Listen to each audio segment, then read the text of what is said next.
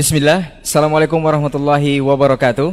Alhamdulillahirabbil alamin. Wassalatu wassalamu ala ashrafil anbiya'i wal mursalin Wa ala alihi wa ashabihi rasulillahi ajma'in. Ashhadu an la ilaha illallah wahdahu la syarikalah Wa ashhadu anna muhammadan abduhu wa rasuluh. La nabiyya ba'dah wa ba'd. 91,1 FM Radio Robani Berajut Ilmu dan Peradaban Generasi Robani Dan pemirsa KMTV Senang sekali kita kembali berjumpa di program Pondasi Podcast Dakwah Islami Untuk kesempatan pagi hari ini Alhamdulillah kita bersyukur kepada Allah Subhanahu wa taala atas segala limpahan rahmat dan karunia-Nya kepada kita bersama. Kemudian salawat dan salam kepada Nabi Muhammad sallallahu alaihi wasallam. Generasi Robani pemirsa KMTV di mana pun anda berada dan bisa menyimak siaran kita di kesempatan pagi hari ini. Alhamdulillah kita kembali dimudahkan untuk uh, berjumpa di udara dan berbincang mengenai uh, agama kita khususnya yang sudah diatur segala sesuatunya oleh uh, Al-Quran dan juga Sunnah. Kita akan berbincang pagi ini bersama guru kita Ustaz Dr. Hidayatullah Ismail LCMA Hafizahullah Ta'ala dengan sebuah tema yang barangkali uh, baru kali ini atau memang baru kali ini kita bahas mengenai muslimah dalam Islam yaitu WFH bukan work from home ya, bukan work from home atau bekerja dari rumah tapi woman for home atau wanita untuk rumah-rumah mereka. Seperti apa Islam mengatur uh, wanita muslimah yang ada di dalam rumah atau lebih baik di rumah? Nanti kita akan bahas lebih kurang sama satu jam ke depan bersama guru kita Ustadz Dr. Hidayatullah Ismail LC Hafizahullah Ta'ala. Baik, generasi Urbani dan pemirsa KMTV kita sapa dulu beliau yang sudah hadir untuk saat ini. Assalamualaikum Ustadz. Waalaikumsalam warahmatullahi Masih sehat Ustadz? Alhamdulillah Walaupun agak kurang flu Ustadz ya Agak sedih. Tapi tetap semangat Ustadz Alhamdulillah Tapi Ustadz kita akan membahas sebuah tema yaitu WFH atau Woman for Home atau wanita untuk rumah-rumah mereka Ustadz yang pastinya uh, Islam sebagai agama kita yang sempurna itu sudah mengatur segala sesuatunya termasuk perkara wanita atau perkara muslimah muslimah kita Ustaz. Mungkin pertanyaan pertama uh, yang akan kita perlu ketahui Ustaz, apa sih sebenarnya peran penting uh, wanita ini di dalam Islam Ustaz? Khususnya dalam agama kita. Fadal Ustaz. Bismillahirrahmanirrahim. Assalamualaikum warahmatullahi wabarakatuh. Waalaikumsalam. Alhamdulillah. Wassalatu wassalamu ala rasulillah wa ala alihi wa sahbihi wa mawalah. Ashadu an la ilaha illallah wahdahu la sharika lah. Wa ashadu anna muhammadan abduhu wa rasuluhu alladhi la nabiyya ba'dah. Allahumma inna nas'aluka ilman nafi'a warizqan tayyiba wa amalan. Pertama-tama marilah kita bersyukur pada Allah Subhanahu wa taala pada kesempatan pagi menjelang siang ini kembali kita bisa berjumpa dalam pembahasan tema-tema yang sangat uh, penting untuk kita bahas di dalam syariat kita. Salah satunya adalah uh, tentang tema wanita di dalam Islam. Bagaimana peran dan tugasnya yang harus dikerjakan dan harus dilakoni uh, oleh seorang wanita. Uh, saya berterima kasih kepada saudara saya Seterai yang senantiasa setia mendampingi dalam kegiatan-kegiatan dakwah di eh, pagi ini dalam kegiatan podcastnya. Saudara-saudara, para ikhwah yang berperan di balik layar, ya, ada saudara Khudri dan Adnan yang eh, berada di studio, serta saya ingin menyapa seluruh eh, teman-teman, eh, para pendengar Radio Robani 91,1 eh, FM di mana pun berada dan uh, para pecinta KMTV dan seluruh teman-teman uh, yang bekerja sama dalam uh, kegiatan dakwah ini.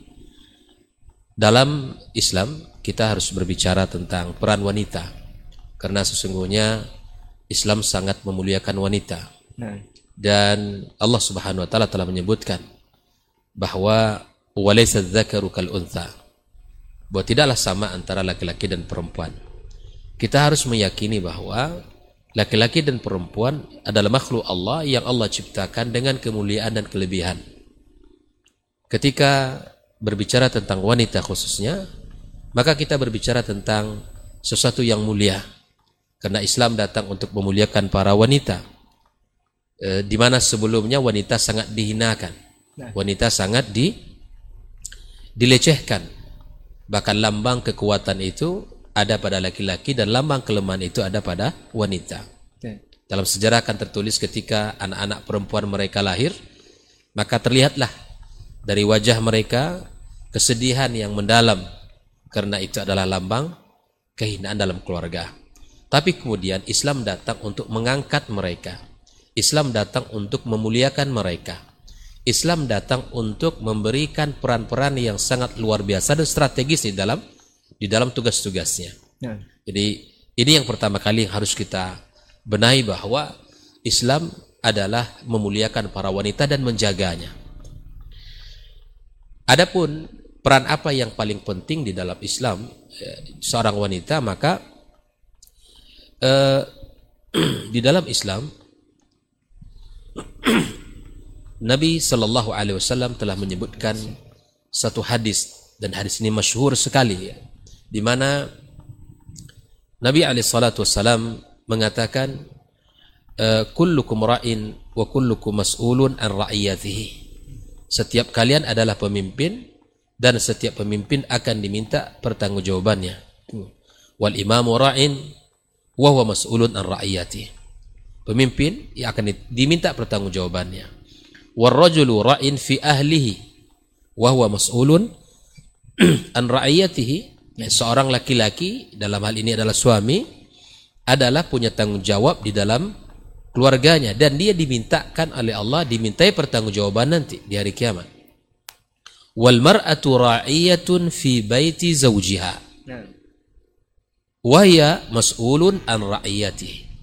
Wa hiya mas'ulun an ra'iyatiha. Wanita itu ya, diberikan amanah tugas ya pemimpin di dalam rumah suaminya. Ya di dalam rumah suaminya dan dia akan diminta pertanggungjawaban terhadap apa yang telah diamanakan kepadanya.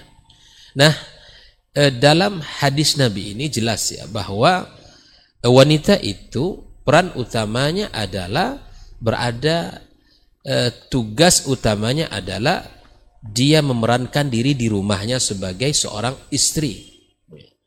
Sebagai seorang istri. Eh, ini yang harus kita fahami. Sebagaimana ya peran-peran wanita sangat banyak. Makanya akan sangat mudah bagi seorang wanita meninggalkan pekerjaan di luar rumahnya gara-gara atau dengan tujuan untuk e, menjaga amanah di rumahnya. Apa saja? Menjaga anak-anaknya, menjaga tugas-tugas utama terhadap suami, menyerap menjadikan ya, rumahnya itu teratur, anak-anak yang terurus dan lain sebagainya. Banyak sekali. Nah, nah inilah eh, peran yang harus uh, dihadirkan dalam setiap keluarga muslim. Dan kita sebagai orang beriman memahami hadis ini bahwa uh, Islam bukan berarti mengekang wanita tidak boleh berkarya. Nah. Tidak. Tapi Islam datang ingin memposisikan Anda wanita mulia dengan peran sebagai seorang istri. Karena jelas ya, fi baiti zaujiha. Ini juga sebuah isyarat bahwa sebaiknya kalau sudah menikah itu tinggal di rumah suaminya. Seorang wanita itu kalau menikah harus ikut suami. Nah. Ya. Walaupun rumah suaminya ngontrak nggak masalah. Tapi itu rumah suaminya. Nah, oleh karena itu ada sebuah uh, pemahaman yang mesti kita dudukkan di awal. Nah. Sebelum nanti hal-hal lain akan terjadi. Apa dia? Sebuah pandangan uh, bahwa wanita hebat itu adalah wanita yang berkarir di luar rumah.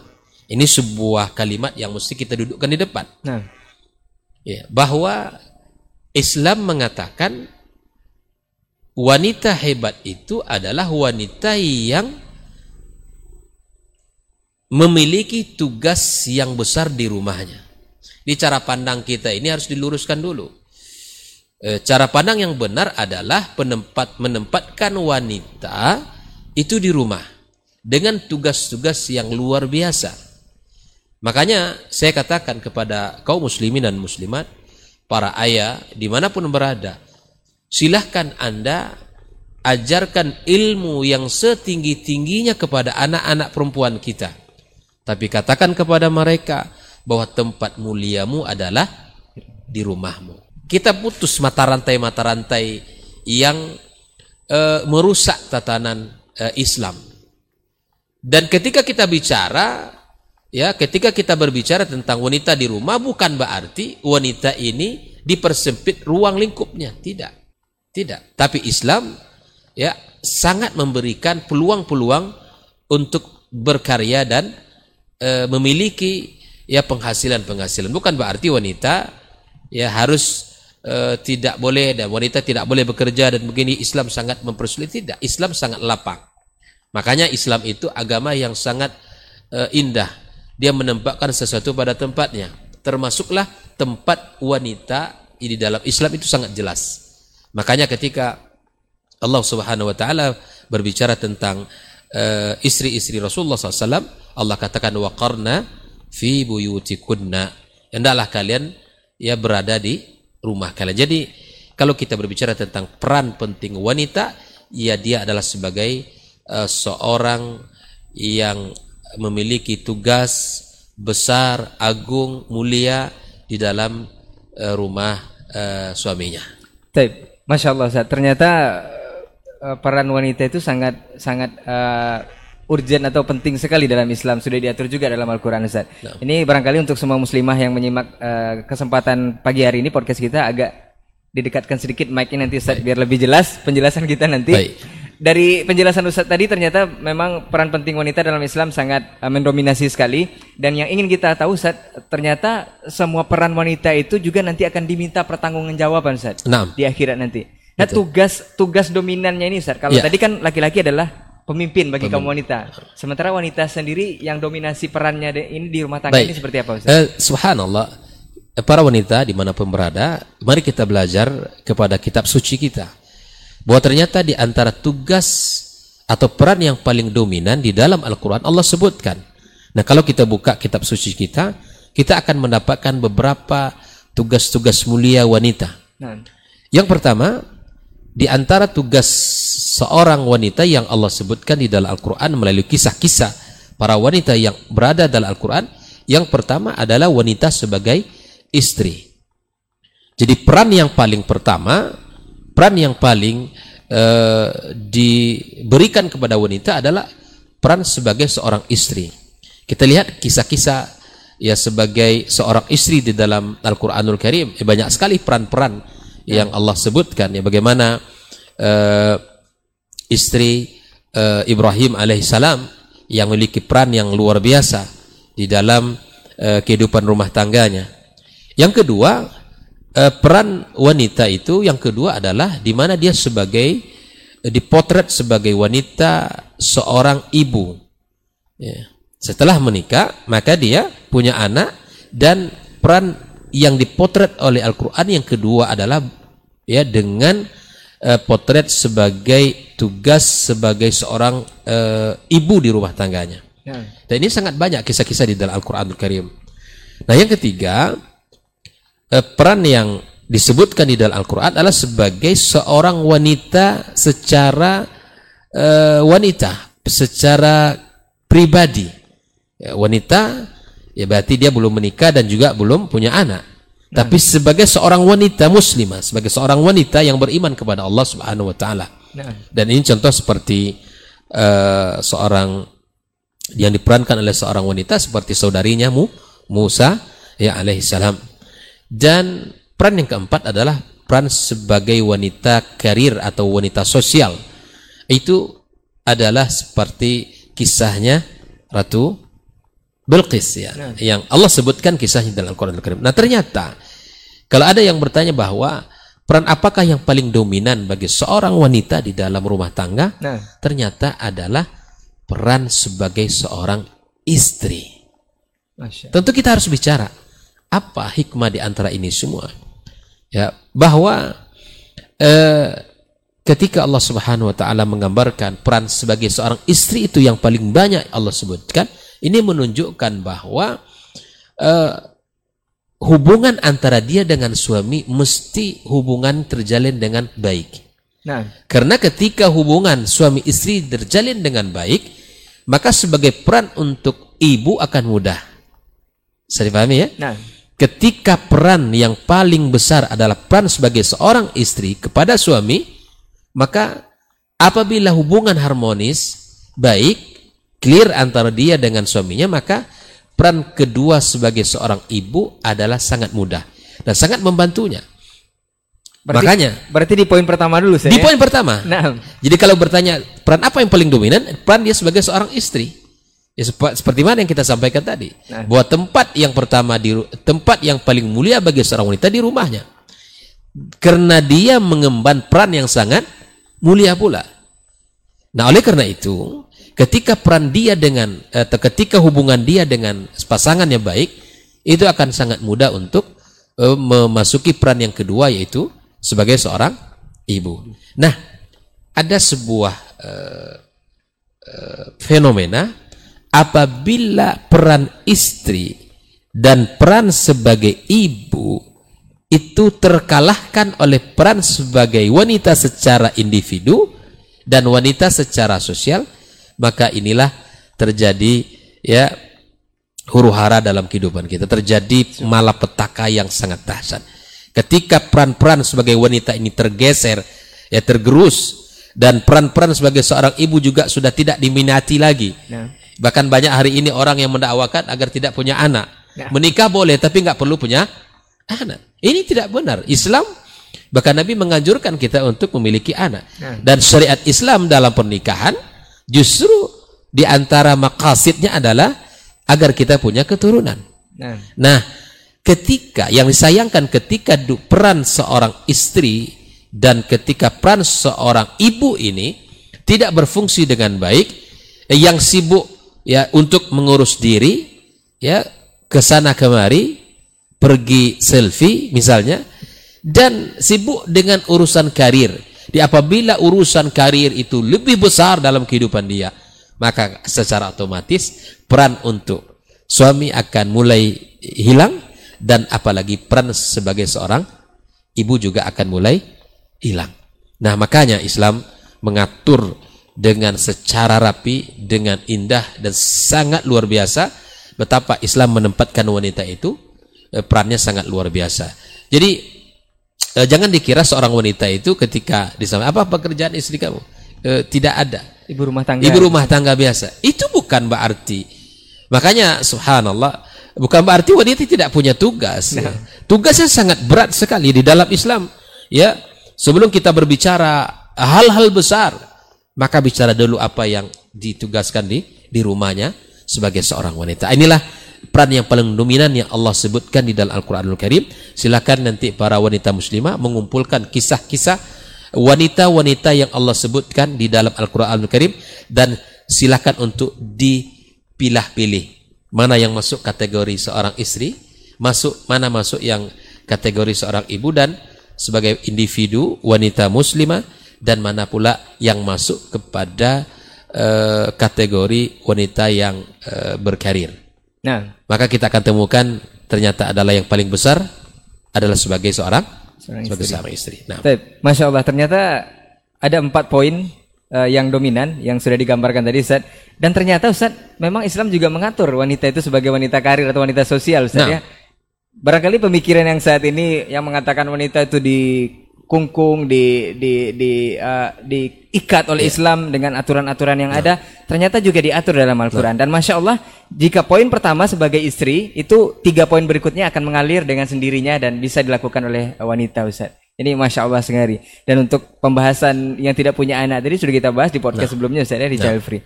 Mungkin pertanyaan selanjutnya Ustaz. Kalau memang wanita sebagai istri yang dominan yang dianjurkan dalam Al-Quran Tentu di dalam sebuah rumah eh, tangga itu tidak layak sebenarnya kita mencontoh kalau bukan rumah tangga Rasulullah Sallallahu Alaihi Wasallam dan istri beliau yang sangat luar biasa eh, banyak sekali istri beliau yang sangat luar biasa itu mengatakan dari lisan kalau tidak salah dari Aisyah radhiyallahu anha mengatakan bahwa baiti jannati. Nah. rumahku sorgaku padahal kita tahu kalau rumah Rasul ya seperti yang sudah digambarkan sebelumnya kenapa bisa seperti ini apa apa indikasinya Ustaz Iya. kalau untuk Iya, eh, pertama adalah eh, rumah tangga Rasulullah SAW merupakan eh, rumah tangga yang kita jadikan panutan dan tauladan. Rumah tangga qudwah bagi umat ini.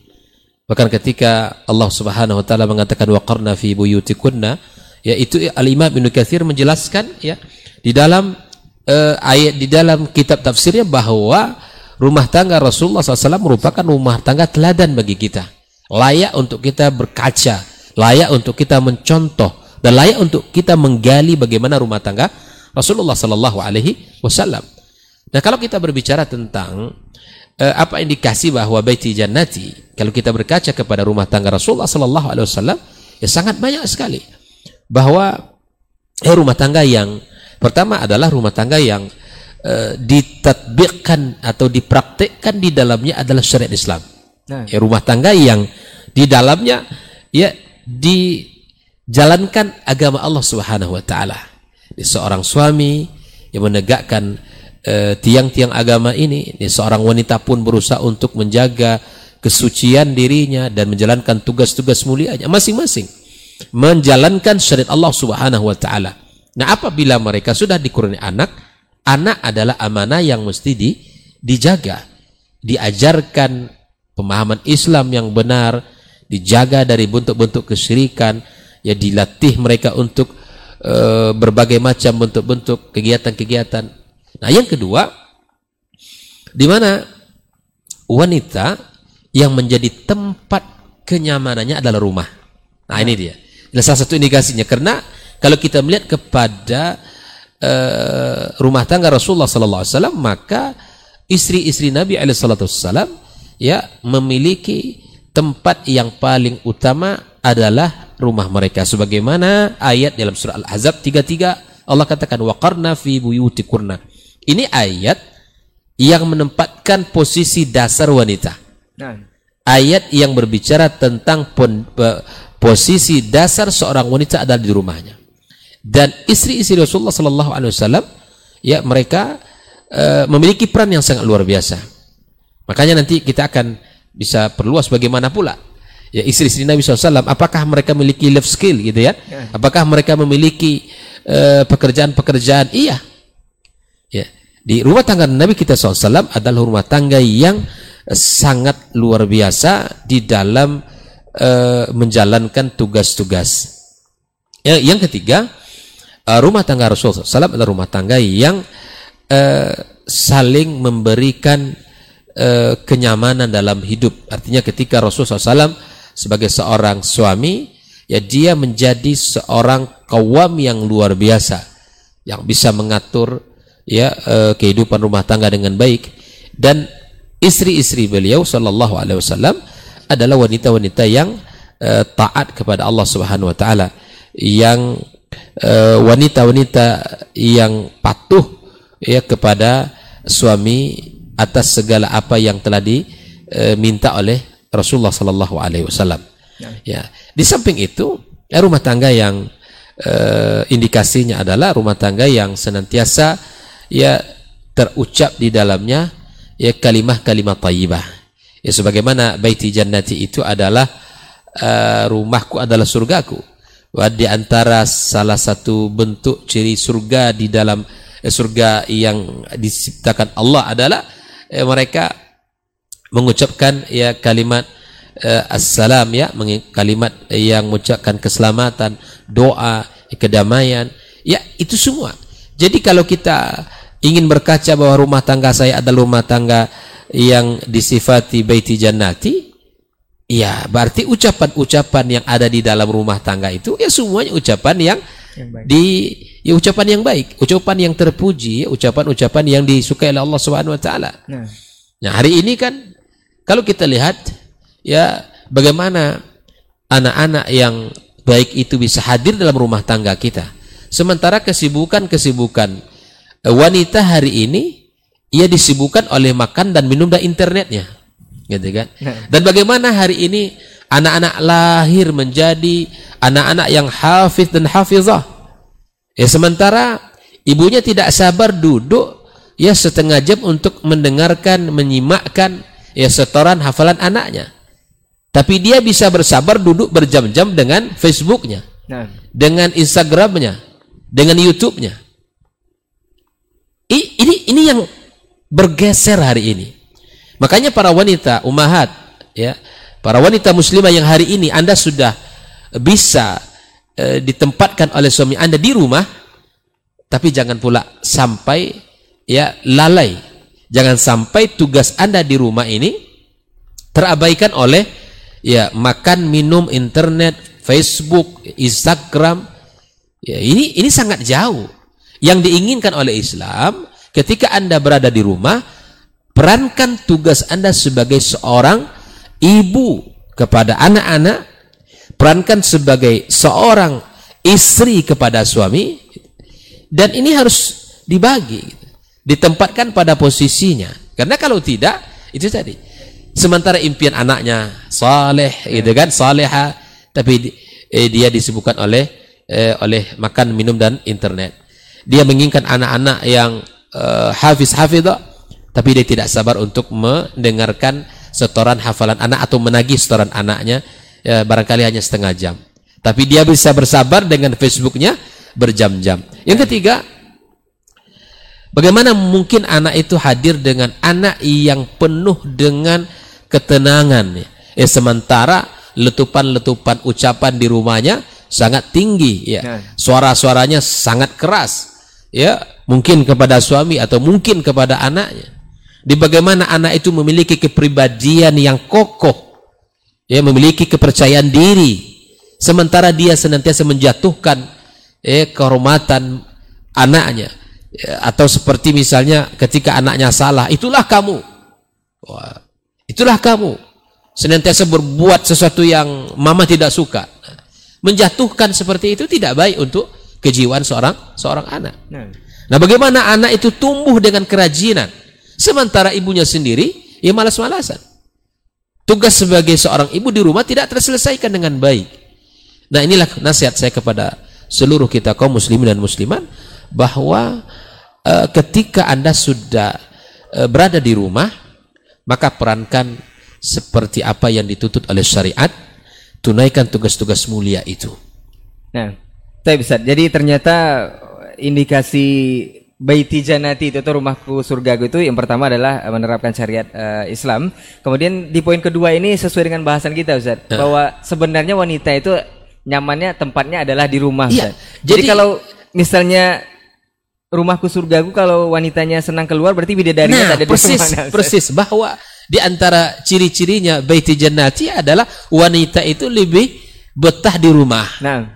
Dan begitu pun laki-laki. Kalau dia sudah bekerja, selesai bekerja, dia akan nyaman kembali sangat ke rumah. rindu untuk kembali ke rumah dan nah. sangat nyaman berada di, di rumah. rumah. Ya siapa orang yang betah di luar berlama-lama? Karena surga itu bukan di luar, nah, tapi di di, rumah. di rumahnya. Persis bahwa uh, di antara ciri ya indikasi baiti janati memang penghuninya ya baik itu istrinya sangat betah di rumahnya. Bersenang eh, senang diri untuk berada di rumah. Begitupun suami setelah dia menunaikan tugas mulia mencari nafkah, dia akan cepat-cepat pulang ke rumah dan sangat rindu untuk kembali ke rumah. Ini nah. indikasi. Dan ini juga akan berefek nanti untuk generasi berikutnya. Sangat ya? berefek untuk anak-anak pendidikan anak-anaknya. Tapi Ustaz, uh, barangkali poin berikutnya Ustaz uh, dari bahasan kita ini sesuai yang digambarkan tadi bahwa istri-istri Rasul itu kan banyak sekali Ustaz. Nah. Apakah memang istri-istri Rasulullah SAW ini cuma diam di rumah saja atau tidak mempunyai profesi lain atau juga mempunyai profesi-profesi yang berbeda selain um, menunaikan tugas sebagai seorang istri? Baik. Ini sangat menarik eh, seperti yang dikatakan oleh Imam Nukathir Allah Ta'ala bahwa keluarga Rasulullah SAW merupakan keluarga teladan keluarga yang sangat luar biasa untuk kita teladani dalam dalam kehidupan rumah tangga kita. Nah, nah kalau kita melihat kepada uh, istri-istri Rasulullah Sallallahu Alaihi Wasallam, ya ternyata memang mereka juga memiliki ya uh, skill, ya, keahlian-keahlian tertentu sehingga dia bisa menghasilkan uang. Dan Islam tidak pernah melarang wanita itu punya penghasilan. Islam tidak pernah melarang wanita itu punya ya punya uh, karya. Tidak. Sangat sangat terbuka bagi seorang wanita. Jadi pemikiran yang salah selama ini kalau Pemikiran Islam yang salah. Kalau di rumah saya punya uang apa gitu kan? Menghasilkan apa? Menghasilkan apa begitu. Dan untuk apa pula saya harus tinggi-tinggi sekolah? Saya sudah sampai pada puncak uh, dalam uh, proses pendidikan terus saya harus di rumah nah ini yang harus kita benarkan seperti yang kita sebut di awal nah. bahwa uh, cara pandang bahwa wanita hebat itu adalah wanita yang punya karir di luar rumah sana Tapi kita harus dudukkan bahwa wanita hebat itu adalah wanita yang uh, memiliki uh, cara pandang bahwa wanita yang yang benar adalah wanita yang memiliki tugas yang besar di rumah. Baik. Sesuai dengan pertanyaan tadi bahwa apakah tugas wanita ya atau tugas atau profesi-profesi atau skill-skill dari istri Nabi SAW agar bisa kita ambil ibrah. Nah. Baik, yang pertama istrinya Khadijah radhiyallahu taala anha sebagai seorang pedagang, pedagang yang handal ya, yang memiliki kekaya, kekayaan yang luar biasa, yang mensupport dakwah Rasulullah SAW. Bahkan Nabi mengatakan ya ketika eh, berbicara tentang Khadijah, dialah orang yang pertama kali yang menghiburku dengan hartanya di dalam dakwah ini. Nah. Bagaimana ia bisa lupakan itu? Ya di saat Aisyah radhiyallahu taala ya bahwa ada kecemburuan kepada Nabi kita alaihi salatu karena Nabi senantiasa menyebut-nyebut nama Khadijah. Ya, Nabi SAW sebutkan itu bahwa dialah wanita yang menghiburku dengan dengan hartanya. Nah, berdagang dibolehkan bagi seorang wanita itu memiliki skill eh, dalam berdagang sangat dibolehkan karena istri Nabi kita sallallahu alaihi wasallam ya ketika itu ia memiliki perdagangan yang sangat luar biasa dan bahkan memiliki karyawan-karyawan ya, dengan penghasilan-penghasilan yang sangat luar biasa. Ini juga ini juga me, mengatakan atau membantah bahwa membilang wanita itu tidak boleh berusaha atau berdagang. Ternyata Khadijah Khadijah radhiyallahu taala pedagang. Tapi ada satu poin yang penting nah, uh, saudara, saudara ya. Uh, ketika Nabi SAW sudah menikah dengan Khadijah nah. dan dikaruniai enam orang anak, tapi Khadijah memberikan amanah perdagangan yang besar itu kepada suaminya yang hebat juga, Rasulullah SAW. Rasulullah seorang uh, pedagang yang handal dengan kemahirannya, dengan akhlak yang mulia dan kejujurannya, maka diserahkan ke suaminya. Karena dia paham bahwa tugas seorang wanita sangat besar bahkan enam anak itu bukan ringan untuk diurus ya. Nah, ya bukan ringan itu zaman sekarang dua aja Apalagi, uh, zaman sekarang dua saja sudah ini enam anak makanya subhanallah Khadijah menyerahkan urusan dagangnya kepada Rasulullah Sallallahu Alaihi Wasallam nah. nah kalau kita melihat kepada Aisyah misalnya istri Nabi Sallallahu Alaihi Wasallam ini Aisyah ini subhanallah skillnya luar biasa pertama adalah sebagai seorang ya guru ya ahli ilmu nah. ya karena seorang wanita yang cerdas ya yang e, memiliki kekuatan hafalan dan bahkan wanita cerdas wanita yang berilmu di zamannya. Sama-sama Imam Al-Zuhri mengatakan demikian bahwa jika dikumpulkan ilmu-ilmu wanita di zaman itu maka tidak akan bisa mencapai kedudukan ilmunya Aisyah radhiyallahu taala anha. Karena Aisyah menjadi guru ya setelah wafatnya Nabi kita sallallahu alaihi wasallam menjadi seorang uh, ahli ilmu yang menyebarkan ilmu ilmu setelah wafat Nabi kita sallallahu alaihi wasallam. Maka uh, wanita seperti yang dikatakan oleh salah seorang pakar pendidikan uh, zaman sekarang ada seperti Adnan Baharith ya, seorang pakar pendidikan dari Umul Qura mengatakan bahwa uh, di antara profesi yang sangat dekat dengan fitrah wanita itu adalah guru. Nah. Seorang uh, profesi yang sangat dekat dengan fitrah wanita adalah seorang guru. Sebagaimana Aisyah radhiyallahu taala anha. Ini yang pertama. Yang kedua, uh, Aisyah radhiyallahu taala anha juga memiliki keahlian di bidang ilmu nasab. Ini tidak heran. Nah. Karena memang ayahnya Abu Bakar As-Siddiq radhiyallahu taala anhu juga memiliki keahlian di bidang di bidang ini. Makanya ketika Ruwa ibnu Zubair bertanya kepada Aisyah radhiyallahu taala, aku tidak heran jika engkau memiliki ilmu tentang eh, eh, aku tidak heran jika engkau memiliki banyak ilmu karena engkau adalah orang yang dekat, sangat dekat dengan Rasulullah sallallahu alaihi wasallam. Dan aku juga tidak heran ketika engkau memiliki keahlian di bidang nasab karena engkau adalah putrinya Abu Bakar As-Siddiq radhiyallahu taala anha. Tapi ini yang menarik. Aisyah radhiyallahu taala memiliki satu skill di bidang kesehatan. Di bidang kesehatan. Nah, dan itu ditulis. Sehingga Urwa bertanya kepada beliau, dari mana ilmu ini? Nah, ternyata rahasianya ada. Kata Aisyah radhiyallahu taala di saat Nabi alaihi salatu di masa-masa uh, sakit menjelang ke meninggal beliau, itu semua orang datang dari berbagai penjuru ya uh, dunia datang membawa obat-obat untuk Rasulullah sallallahu alaihi wasallam. Dan ini disebutkan ini obat untuk ini, ini obat untuk ini. Ya. Sehingga Aisyah bisa menghafal jenis-jenis obat itu. Nah, ini juga salah satu skill yang juga harus dimiliki oleh wanita-wanita hari ini. Di mana ranah-ranah yang seharusnya wanita harus kuasai, kuasai. Ya. Ya. Di mana bidang-bidang yang itu dipegang oleh wanita, pegang. Tidak masalah. Tapi satu syarat, jangan lupa peran utamanya sebagai seorang istri dan sebagai seorang ibu di rumahnya. Nah, ini. Ada lagi istri Nabi istri Nabi Shallallahu Alaihi Wasallam seperti Zainab binti Jahsh. Bahkan Aisyah sangat memuji beliau ini. Dia ber, eh, berkarya dengan eh, kehebatan, dia punya skill. Di antara skillnya apa? Zainab binti Jahshin ini wanita yang ahli dalam menyamak ada kulit-kulit itu disama. Itu itu keahliannya. Nah. bahkan di antara profesinya adalah uh, dia sebagai wanita yang memiliki usaha minyak wangi. Ah, ini ini ini boleh silakan para wanita. Ya anda boleh punya penghasilan.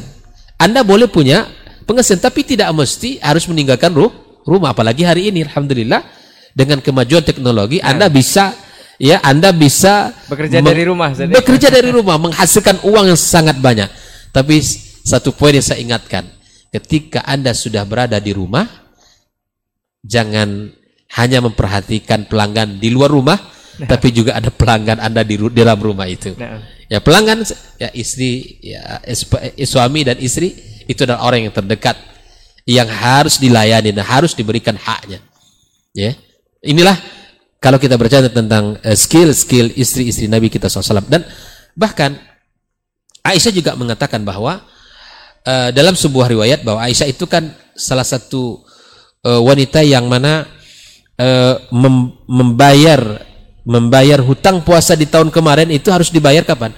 Di bulan Sa'ban tahun berikutnya. Ya. Karena dia mengatakan bahwa uh, karena dia mendampingi kedudukan dia di sisi Rasulullah SAW sibuk dan ini peran yang paling utama bagi seorang wanita dan istri-istri lain juga demikian.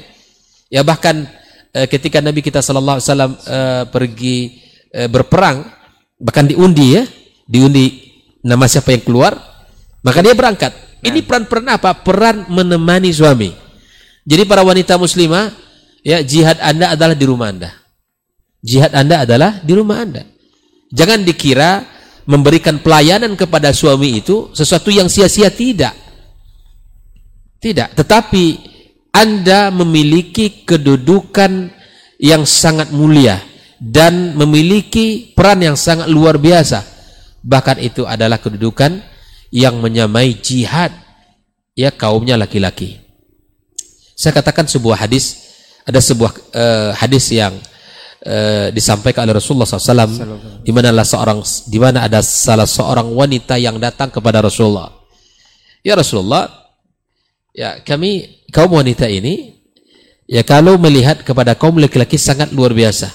Mereka bisa berjihad di jalan Allah Subhanahu wa taala dan jihad itu pahalanya luar biasa. Tapi kami ya adakah jalan gitu ya, yang bisa kami lakukan sampai kami e, bisa menyamai kaum laki-laki di dalam kebaikan. Masya Allah, Ustaz ya. Eh, luar biasa semangatnya. Kecemburuan terhadap amal baik, Ustaz ya. Luar biasa. Eh, wanita-wanita zaman dulu begitu. Nah. Ya, memandang bahwa ketika Allah Subhanahu wa taala lebihkan kaum laki-laki di sisi kenapa, lain, kenapa kami tidak bisa? Kami kenapa kami tidak bisa? Ini, ini jihad-jihadnya berbeda-beda. Nah. Ya, jihad laki-laki ketika apalagi seorang pemimpin untuk menyerukan jihad, maka dia wajib untuk ikut.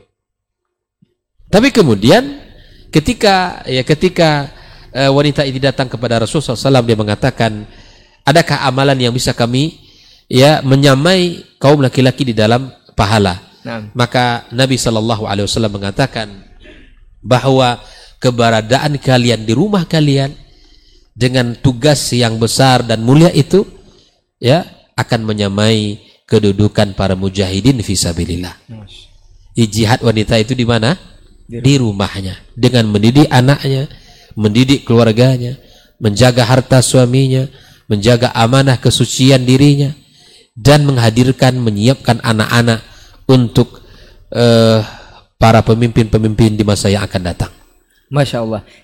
Ternyata profesi istri-istri Rasul itu bukan hanya sekedar menjadi ibu di rumah tangga. Ternyata banyak hal-hal lain yang bisa dilakukan. Saya seperti Aisyah tadi punya keahlian juga di bidang Keahlian. kesehatan. Betul. Dan eh, Hafsah juga banyak juga keahliannya.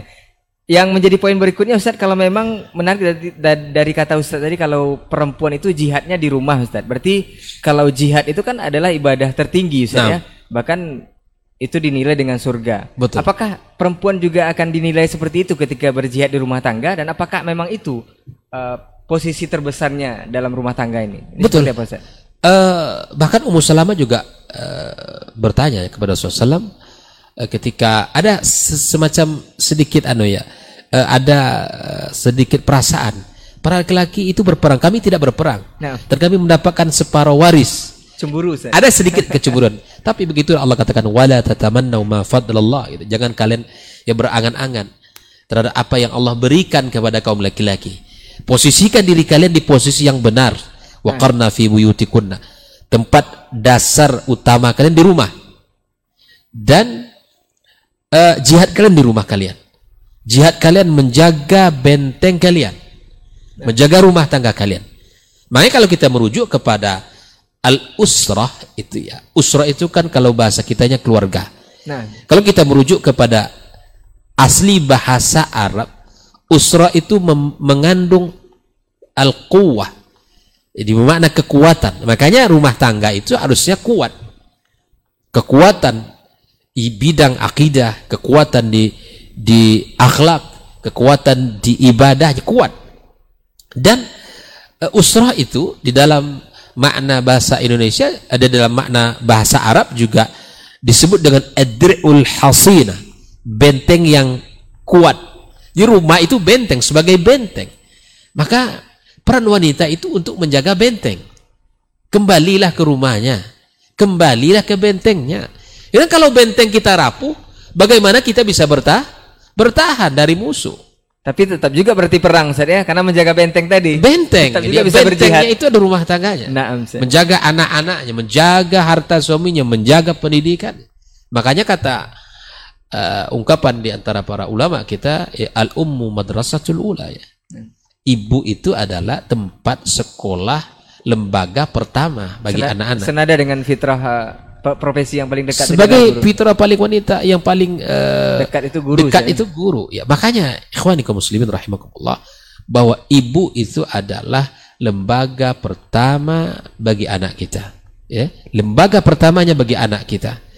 Makanya ketika kita menyiapkan wanita-wanita berarti kita telah menyiapkan generasi hebat di masa yang akan datang. Nah, Jadi eh, kalau musuh-musuh Islam tahu untuk menghancurkan Islam itu gampang.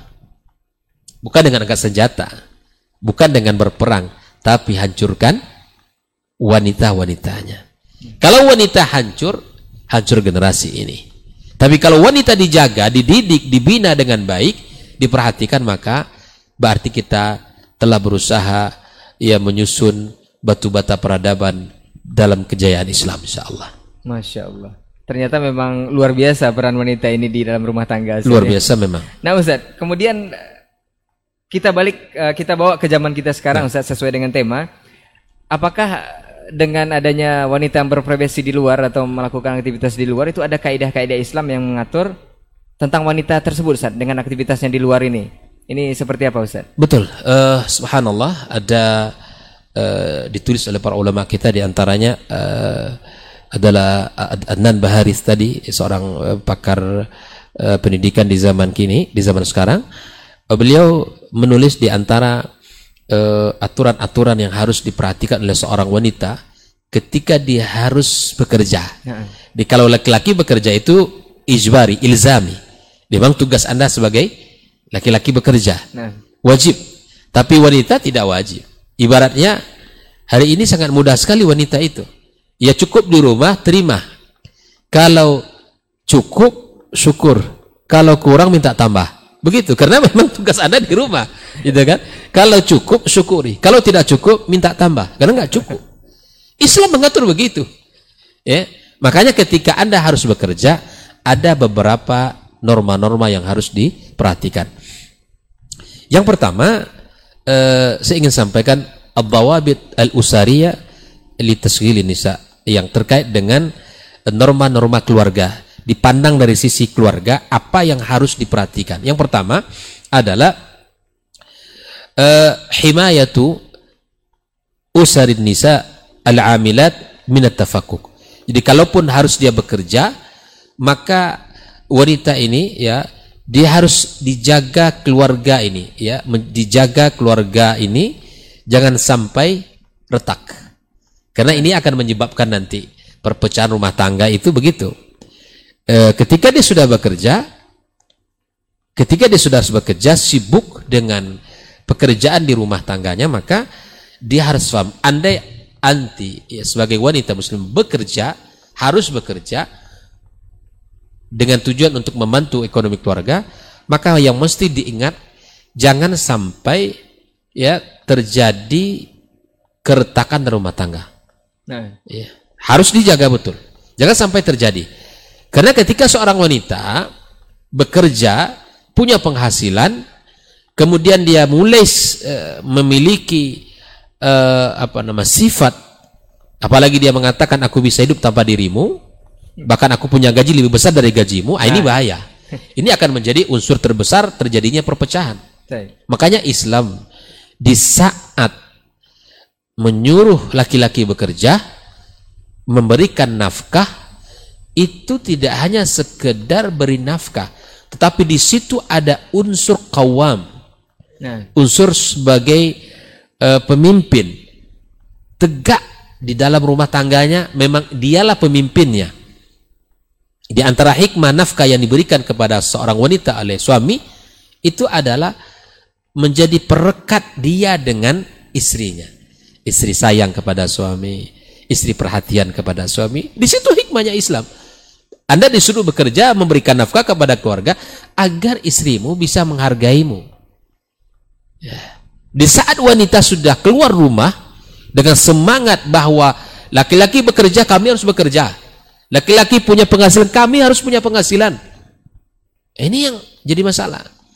Di, kalaupun anti harus bekerja, kalaupun saudari harus bekerja, maka rumah tangga ini harus dijaga jangan sampai retak. Itu yang pertama. Nah. Yang kedua, riayatun nisa al-amilat liqawamatil azwaj minal ikhtilal. Nah, ini jangan sampai bekerjanya wanita di luar rumah itu mengurangi kawamanya seorang pemimpin di rumahnya. Uh, dia, dia sedikit akan mulai itu. Apabila seorang wanita pulang ke rumah, ingat saya sampaikan kalimat ini kepada siapa pun yang memiliki tugas di luar rumahnya sangat banyak atau bahkan mungkin dia sebagai seorang public figure atau sebagai pimpinan dalam sebuah perusahaan ya. atau dalam sebuah instansi ingat ketika anda pulang sore hari ke rumah di saat anda membuka pintu rumah ucapkan salam anda sebagai seorang istri bagi seorang suami anda sebagai seorang ibu bagi anak-anak. Hilangkan seluruh pangkat jabatan yang ada di luar sana.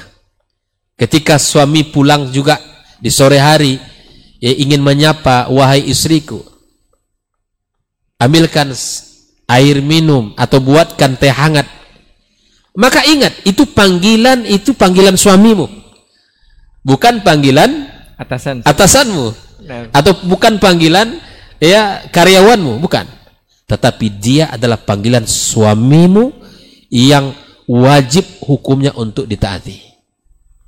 Bukankah ciri wanita yang saleh itu kata Nabi SAW? Ya, ata'atka idha amarta. Dia taat kepada perintahmu. Jadi wanita siapa pun yang berkarir bekerja di luar rumah di saat pintu rumah ya dibuka dan masuk Anda sebagai seorang istri bagi suami. Dan Anda sebagai seorang ibu bagi anak-anak. Ya. Anak-anak Anda menyapa, "Wahai Bunda." Ya dipeluknya di sore hari ketika Anda pulang. Ya, diciumnya Anda, bahkan dia mungkin minta gendong padahal Anda memiliki tugas yang berat di kantor. Mungkin ada PR-PR yang belum terselesaikan, tugas-tugas yang belum rampung. Ya. Banyak PR-PR yang harus dikejar. Apalagi pemeriksaan-pemeriksaan di kantor beban pikiran banyak, tertekan, jiwa ini terasa sempit.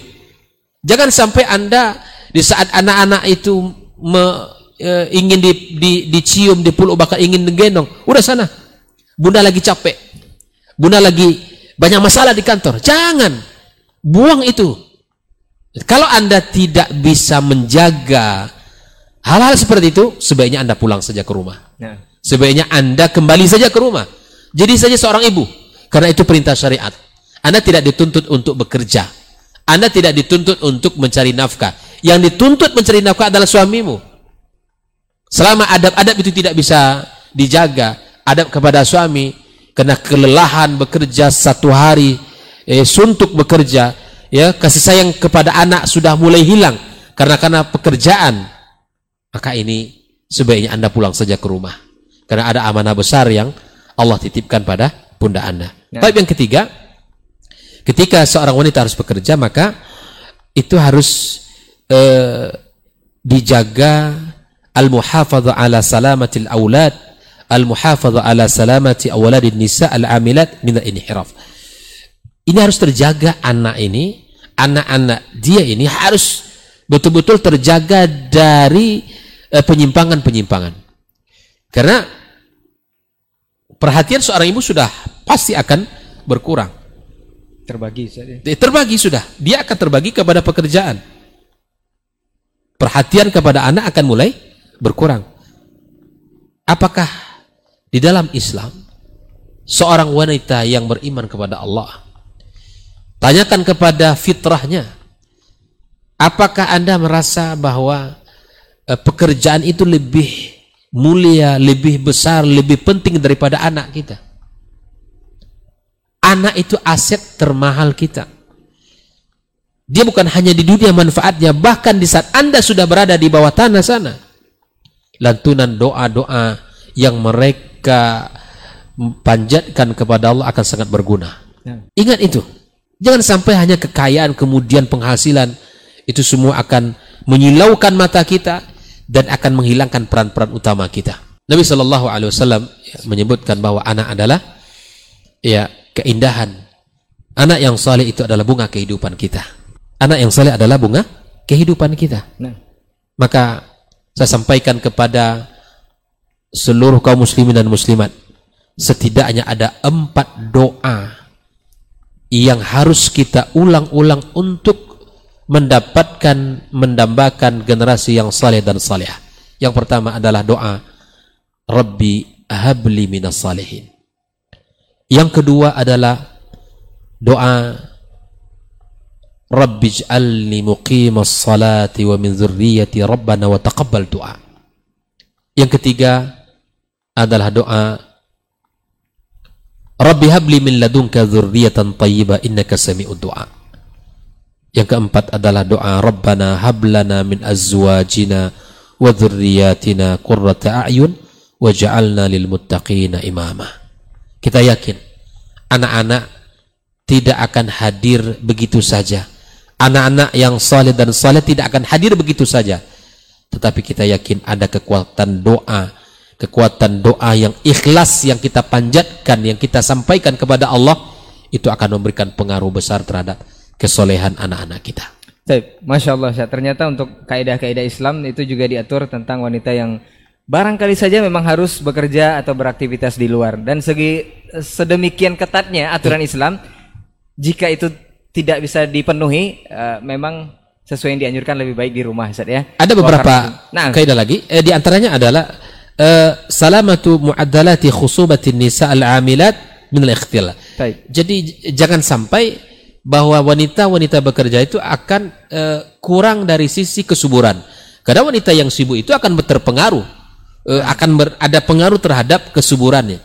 Ya, sulit hamil, bekerja, saya sarankan Anda ke rumah saja.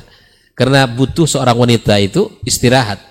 Kalau dia sudah bekerja dengan kesibukan bahkan sampai lembur itu akan sangat akan sangat uh, rentan dia untuk sulit hamil. Ya, yang ke yang berikutnya tajannub an-nisa al-amilat eh, azmas azmatu sira'il adwar al-ijtimaiyah. Jadi menjauhkan wanita-wanita yang bekerja ini dari uh, krisis uh, pertikaian peran sosial. Nah, ini memang harus kita jauhkan bahwa wanita itu memang peran utamanya di rumah. Jadi jangan sampai mengatakan karir eh, wanita sama dengan laki-laki enggak.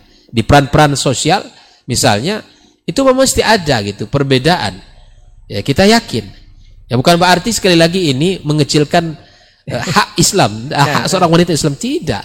Justru Islam sayang kepada wanita. wanita. Makanya kenapa di dalam wilayah-wilayah kepemimpinan Islam ya, wilayah-wilayah kubra, itu kenapa laki-laki harus menjadi pemimpin? Karena di antara hikmahnya bahwa wanita itu ada masa-masa dia tidak eh, stabil emosinya. Ya. Di saat-saat dia haid, ya, di saat-saat dia datang eh, bulannya, cuti bulanan, saya. Eh, cuti bulanan, ya. itu kondisi kejiwaan tidak stabil dan itu dibahas oleh para ulama. Makanya Islam kenapa harus laki-laki menjadi pemimpin salah satunya itu hikmahnya. Karena Allah lebihkan pada kaum laki-laki itu adalah akalnya. Ya kan sebagaimana Allah katakan ar-rijalu qawwamuna 'alan nisa bima faddalallahu ba'dahum 'ala ba'd. Nah. Allah lebihkan laki-laki itu dari wanita tiga. Yang pertama adalah Allah lebihkan dari sisi akal.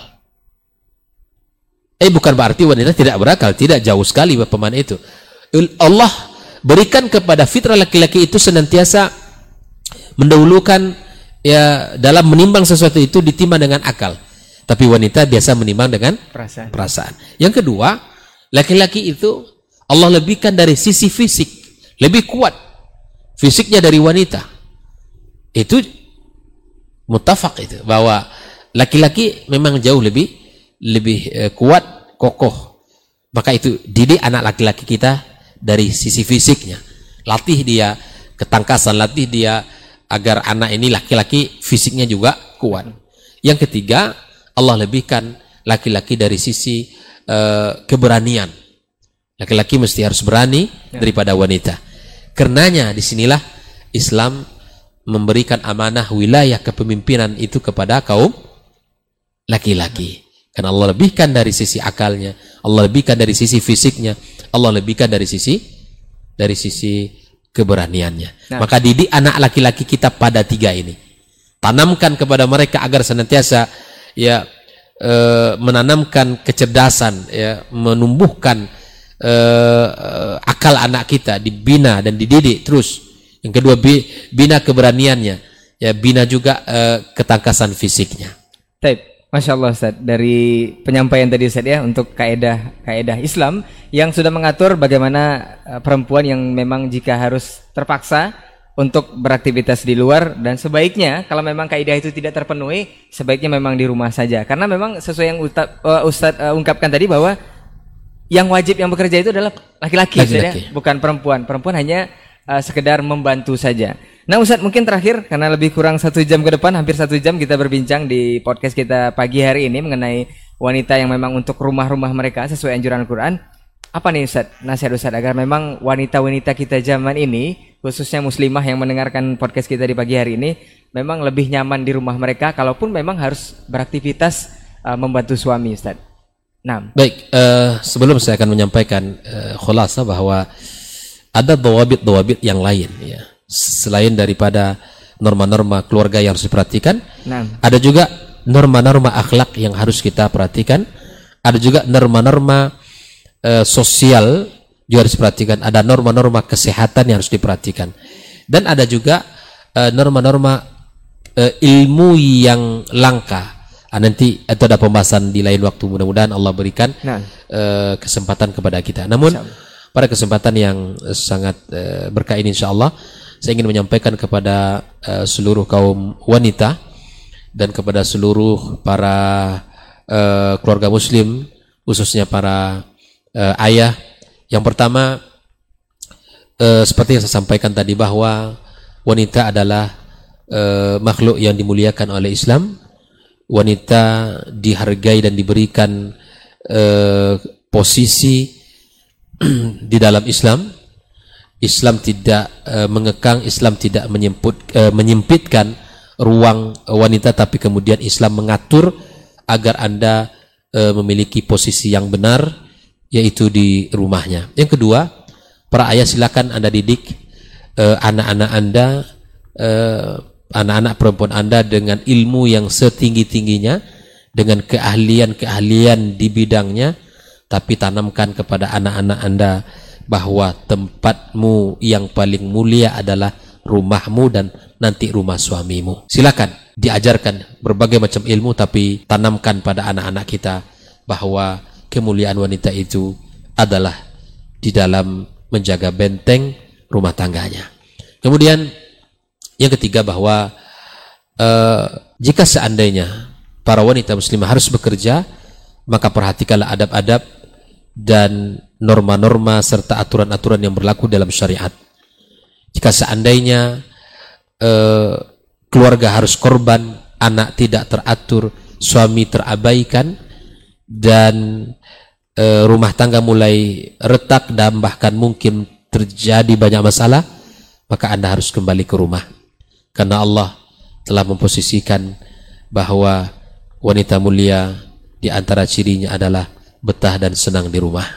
Semoga Allah Subhanahu wa taala berikan kepada kita keluarga-keluarga yang uh, luar biasa di dalam menjalankan syariat. Allah berikan taufik dan Allah berikan karunia kepada kita agar bisa mampu untuk mengembalikan uh, fungsi kita masing-masing, menempatkan uh, tugas dan tanggung jawabnya di tempat yang pas yaitu suami harus bekerja mencari nafkah dan istri harus uh, berusaha menjaga amanah di dalam rumahnya. Wallahu taala alam bisawab. Baik, jazakallah khair Ustaz untuk bincang-bincang kita dan uh, ilmunya serta nasihatnya untuk pagi hari ini Ustaz mengenai tema kita uh, Woman for Home, wanita untuk rumah-rumah mereka. Jadi wanita yang memang dimuliakan sekali oleh Islam, tempatnya adalah memang di rumah tertutupi Ustaz ya. Nah, mudah-mudahan ini bermanfaat untuk antum semua, khususnya muslimah yang mendengarkan uh, podcast kita di kesempatan pagi hari ini. Mungkin uh, lain waktu kita akan berbincang lagi bersama Ustadz dengan tema yang berbeda, mungkin dengan tema wanita juga, tapi dalam poin yang berbeda insya Allah. Uh, Afwan untuk semua salah kata kita bicara, kita tutup dengan doa keparatul majlis. Subhanakallahumma wa bihamdika, asyhadu an la ilaha illa anta astaghfiruka wa atubu ilaik. Wassalamualaikum warahmatullahi wabarakatuh.